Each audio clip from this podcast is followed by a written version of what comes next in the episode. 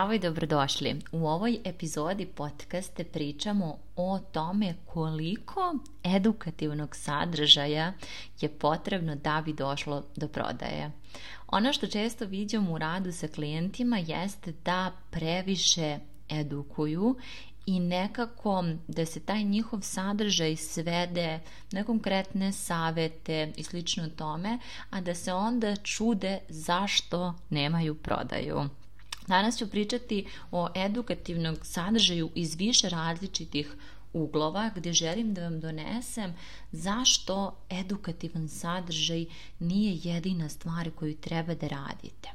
Tako da odmah krećemo od toga šta je pre svega edukativan sadržaj. Za mene je edukativan sadržaj sve ono iz čega potencijalni klijent može da nešto nauči, primeni, obično na mrežama, ako gledamo, to su one objave u kojima vi delite konkretne edukativne savete, tehnike, alate. I evo zašto takav tip sadržaja može zapravo da vas odvede u potpuno pogrešnom smeru. Pre svega zato što a, klijent ako to ne zna da primeni sam, najvjerojatnije će pomisliti da to nije za njega i da ne može i da je nesposoban.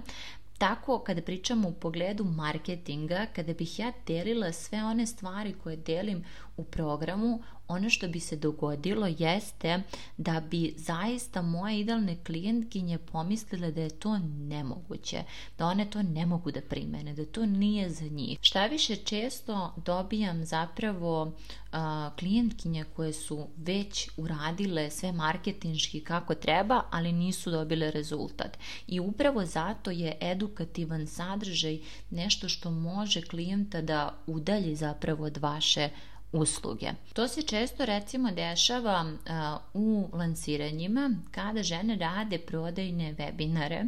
Zapravo to uopšte ne budu prodajni webinari, to budu čisto edukativni webinari gde onda daju toliko alata, tehnika i svega da zapravo klijent krene da pokušava da radi sam i dobije onaj osjećaj da ima informacije i da je to sve osobi poznato i da mu ne treba plaćena usluga. Tako da ono zašto je edukativan sadržaj problem, u smislu taj konkretan edukativan sadržaj, je zato što im dajemo nešto što ljudi ne mogu da primene. ja sam pravila ovu grešku i samo ću vam reći informaciju da pre godinu dana sam napravila tako dobar edukativni webinar koji je bio brutalan sa konkretnim primjerima, sa prezentacijom, znači toliko sam dala sebe u tom. I taj launch mi je bio zapravo najlošiji. Zašto? Pa upravo zbog toga. Ljudi su dobili određenu prednost i mislili su da sve znaju i da im program nije ni potreban. Većina klijenata ne, ne shvata jednostavno da nije stvar u informacijama, nego da uz pomoć mentora te informacije primeniš. Na konto toga, evo baš mogu da kažem da smo danas imali prvi Zoom, odnosno prvu radionicu u okviru ove letnje pripreme pre zvaničnog početka programa gdje smo se bavili temom idealnog klijenta. Idealni klijent je nešto što svima delo je poznato i sigurno ste milion puta dobili neke priručnike da je potrebno da popunite gomilu informacije o idealnom klijentu, međutim jako mali broj žena zaista zna kako da to praktično uradi. I ono što smo na današnjem Zoomu radili jeste da smo vežbali, da sam ja mogla svakoj od njih da dam feedback, da im dam konkretan zadatak i da im kažem da ću zapravo biti tu da ih ispravim. Jer suštinski nije stvar u tome da ljudi ne znaju kako da definišu idealnog klijenta i kako da kreiraju sadržaj, nego kada kreiraju taj sadržaj ne znaju da li su to dobro uradili, ne znaju iz svoje perspektive šta nekako da promene. I tome služe mentorski programi. Znači, mentorski programi nisu mesto samo gdje dobijaš informacije, nego gde imaš tu povratnu informaciju zajednice i mentora i onda uz pomoć toga ti zapravo svaki put unapređuješ tvoj sadržaj. Većina klijenata toga nije svesna i zato kada ih edukujemo, oni mogu da pomisle, pa da, ja sve ovo već znam, ne treba meni mentor i da samim tim zaobiđu tu plaćenu uslugu, a da onda im se dogodi taj moment da se osjećaju nesposobno, da su preplavljeni i da se samim tim sve više udaljavaju od vaše plaćene usluge. I zato je suštinska stvar da ne kreirate samo edukativan sadržaj i da ne, ne doživljavate sebe kao da morate, ne znam, da se dokazujete kroz edukaciju i slično tome, jer edukativan sadržaj je nešto što vrlo lako može da vas utopi u masu.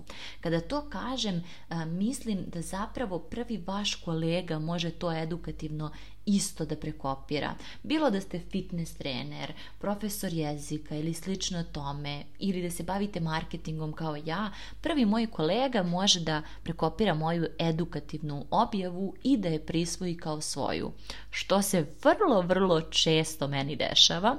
Jedan od primjera je baš to da sam ja prije dve godine počela da komuniciram tu svoju metodologiju rast povezivanje prodaja koju pre toga nisam nigde videla i gde sam ceo koncept zapravo svog rada fokusirala na to da suštinski i strateški kada se posvetimo tim fazama možemo da dođemo do rezultata da danas malo malo viđam zapravo žene koje to isto promovišu a koje su u marketingu vidjam sve više priče o prodajnom levku znači pre dve godine kada sam krenula nije nije postao jedan edukator koji priča samo o tome. Uglavnom je to bilo nešto u okviru nekih programa, ali nije bilo konkretnih edukatora u toj oblasti.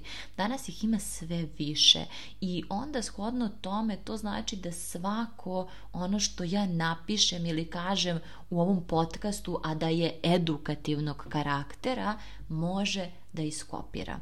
Ono što će mene da razlikuje na tržištu, ono što će vas da razlikuje na tržištu, jeste taj moment vaše priče, autentičnosti, onoga u što vi verujete, smjer u kome se krećete. Ja danas znam da svaki put kada neko iskopira neki moj komad sadržaja, ja sam već deset koraka ispred ispoznala sam mnoge neke stvari o kojima moje kolege danas ni ne razmišljaju. I baš zbog toga toga nemam neki ono osjećaj da zapravo neko može da iskopira to što ja radim, jer nekako uvek upgradeujem i tu sam sa novim stvarima, tu sam zapravo da ponudim bolji experience mojim idealnim klijentima, da budem bolji mentor i trener kroz stvari u kojima sam ja autentična. Ja nikada sebe nisam doživljavala nužno kao samo nekog marketing mentora i zato danas ono kako želim da se predstavljam jeste biznis coach i mentor za žene koje žele da nauče kako da sa lakoćom lansiraju svoje jedan na jedan usluge ili online programe. Zato što to suštinski jeste ono što ja radim. I to niko ne može da iskopira. Taj moment moje priče i priče mojih idealnih klijentkinja i prosto princip po kome ja radim i metodologije koje samostalno otkrivam i kreiram je nešto što zapravo ne može da iskopira prvi kolega. Zato je vrlo važno da shvatite da kada radite samo edukativan sadržaj i kada se oko toga pozicionirate, to može da se vidi na drugim profilima i onda kao takvi zaista nema neke razlike i ovo se specifično dešava recimo mislim u svim branšama ali konkretno se dešava kod psihoterapeuta koučeva, fitness trenera, nutricionista, to je baš, baš, baš često ako ste u tim oblastima, zato što se nekako, e, to je toliko viđeno i toliko ima ljudi u toj oblasti koji kreiraju sadržaj da se teme jako lako ponavljaju, odnosno često možemo da vidimo i razne recepte i razne vežbe. Znači to su sve nekako slične stvari. Ono što jeste poenta da pored tog edukativnog sadržaja koji jeste koristan, ali opet kažem ne jedini koji će dovesti do prodaje, bitno je da imate i puno prodajnog sadržaja, da kroz različite priče možete iznova da prodajete svoj program, jer ono što jeste suš suština prodajnog levka da mi možemo klijenta brže da dovedemo od tačke kada vas je upoznao, znači kliknuo je zaprati na tvom profilu do momenta kupujem tvoju uslugu. Taj period između treba da bude mnogo brži uz pomoć prodajnog levka. Treba da zapravo dolazimo brže do klijenata, ne zato što samo želimo da, ne znam, zgrnemo puno love, nego zato što nam treba da validiramo našu ideju, da vidimo šta je ono što treba da unapredimo. Vi možete tek da unapredite svoj biznis kada krenete da radite s klijentima. Znači, dokle god ne krenete da radite s klijentima, vi ne možete da suzite nišu i razne neke stvari koje se preporučuju na početku početku, znači nemoguće je da se niširate. Možete vi da se niširate onako u smislu u teoriji, da izmislite neku nišu i da kažete ja ću da se niširam u toj oblasti, ali često kada se niširate pre vremena, to može da vam uskrati jako puno istraživanja, jako puno kreativnosti i to često može da blokira žene. U radu sa ženama ono što sam primijetila jeste kad god se niširaju prerano kao da sebi onako oceku neka krila i ostrane neki deo sebe koji zapravo žele da bude tu. Tako da jako bitna stvar je taj moment da se ne niširate pre vremena.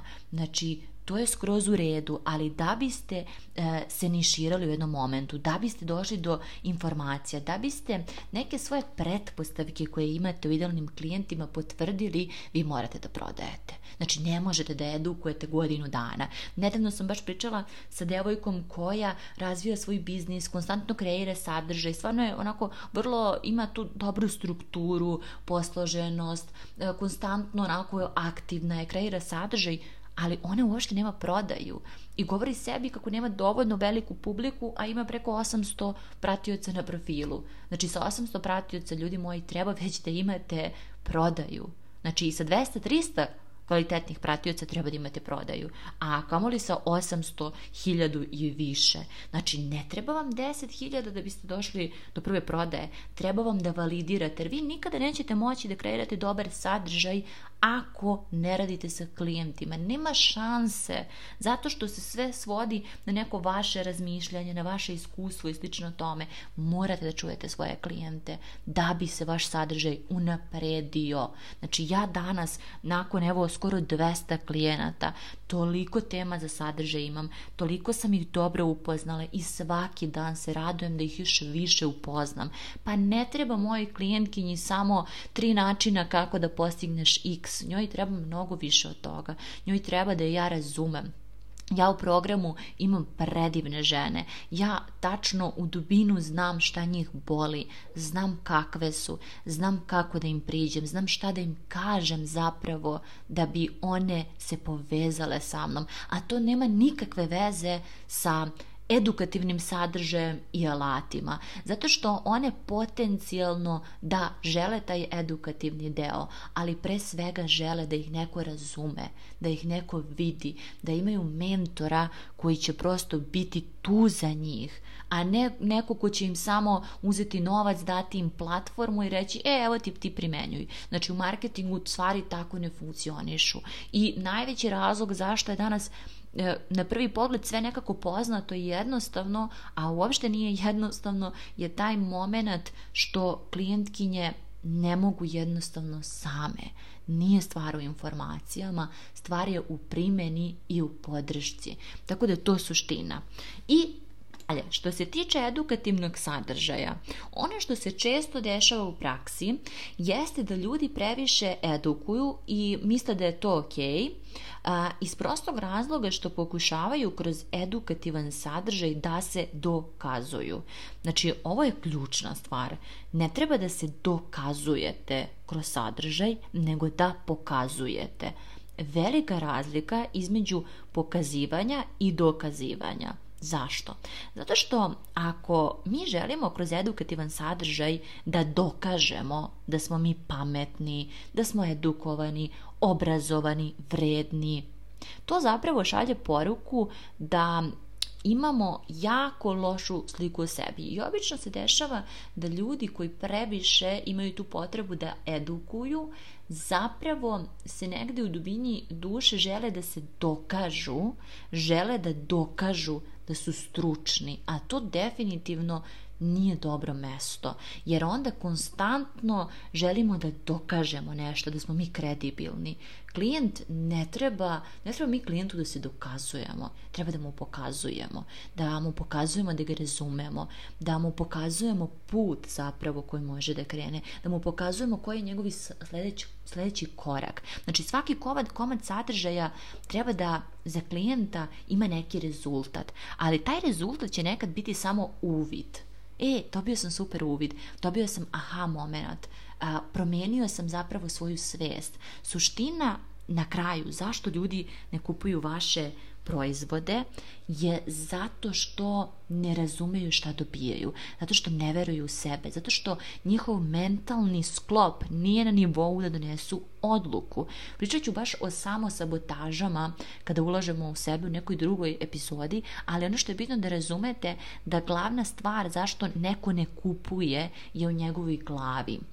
Zato što nije spreman da se kladi e, na sebe zato što se nije dovoljno povezao sa vama. Znači tu sad ima dosta nekih elemenata, ali ključna stvar je da njegov mentalni sklop nije na tom nivou da bi kupio. Recimo, zašto neko ne kupuje u momentu moj program? Znači, ne zato što se ja nisam dokazala kao mentor, nego zato što ljudi govore sebi nemam vremena, nije ovo još za mene, misle da ne zaslužuju, misle da treba da se muče, misle, misle da su početnici i da početnicima ne treba ovaj program, nego kao, ajde ja ću polako, pa ako mi negde zapne, prosto prijavit ću se za taj program. To su sve neke mentalne blokade, uverenja i misli koje toliko sputavaju žene i neke žene su totalno u pravu zato što ne upisuju ni im prosto pravo vrijeme, ali neke bi mogle deset puta brže da napreduju, mogle bi da se osjećaju bolje. Ne mora čak biti e, stvar u brzini napretka, može biti stvar samo u osjećaju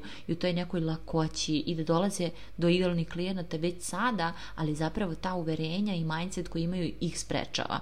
Tako da ja nisam tu da im dam konkretne alate kako da krenu to da rade, nego da im objasnim zašto takav način razmišljanja ih neće dovesti dalje.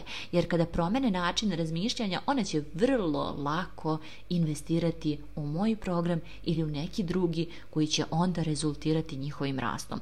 Tako da morate shvatiti da nije stvar u alatima, tehnikama i informacijama, nego u mindsetu jednostavno u načinu razmišljanja koje ljudi imaju i što dublje upoznajem sebe i psihologiju, to više shvatam koliko se zapravo sve na kraju svodi na taj odnos sa sobom, način razmišljanja, kako upravljamo svojim mislima i slično tome i zato su teme mog sadržaja zapravo većinom fokusirane na to kako razmišljate. Jer ako razmišljate dobro o sebi, ako imate zdrave preduzetničke misli, onda ćete jako lako da napredujete. Ako nemate ništa od toga, onda ni najbolji marketing alati vam neće pomoći da izradite biznis.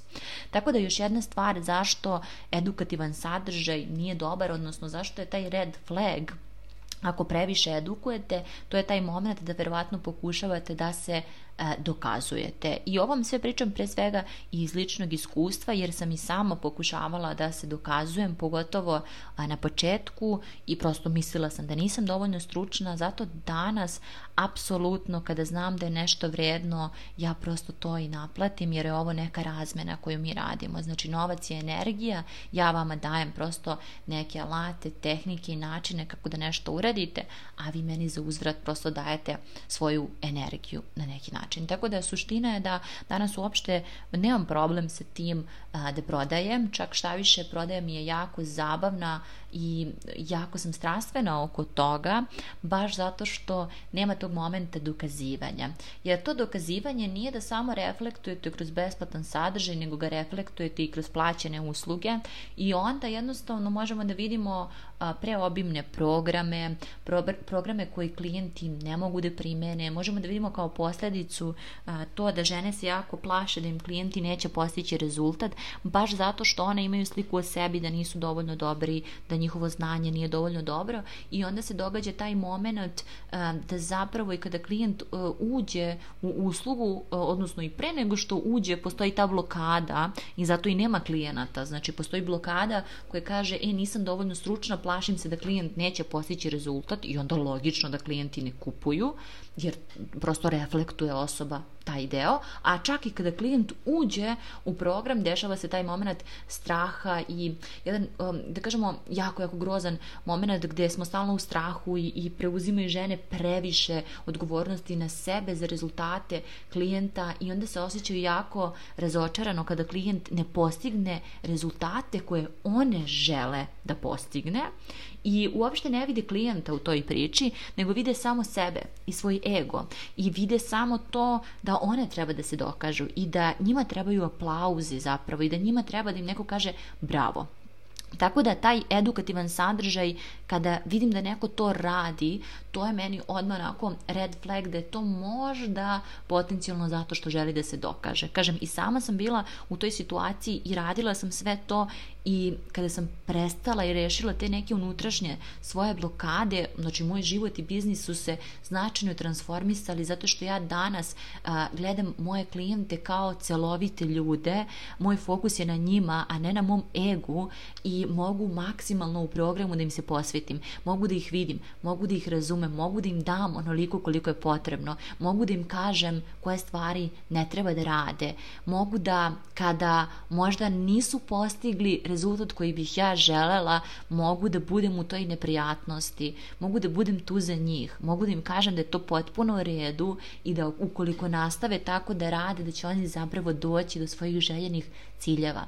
S druge strane, ja u mojim klijentima klijentima vidim mnogo više rezultata nego što oni vide i zaista kada pogledam za svakog klijenta e, moment kad je ušao u program i moment kad je iza, izašao, odnosno izašla iz programa, to su stvarno onako, baš vidim veliku transformaciju u njima i obično im to uvek vratim i kažem im da vidim koliko su uradile, nabrojim sve stvari koje su uradile zato što ih gledam onako u tom nekom celovitom obliku, jer suština je da se promene prvo dešavaju unutra, a onda iz polja.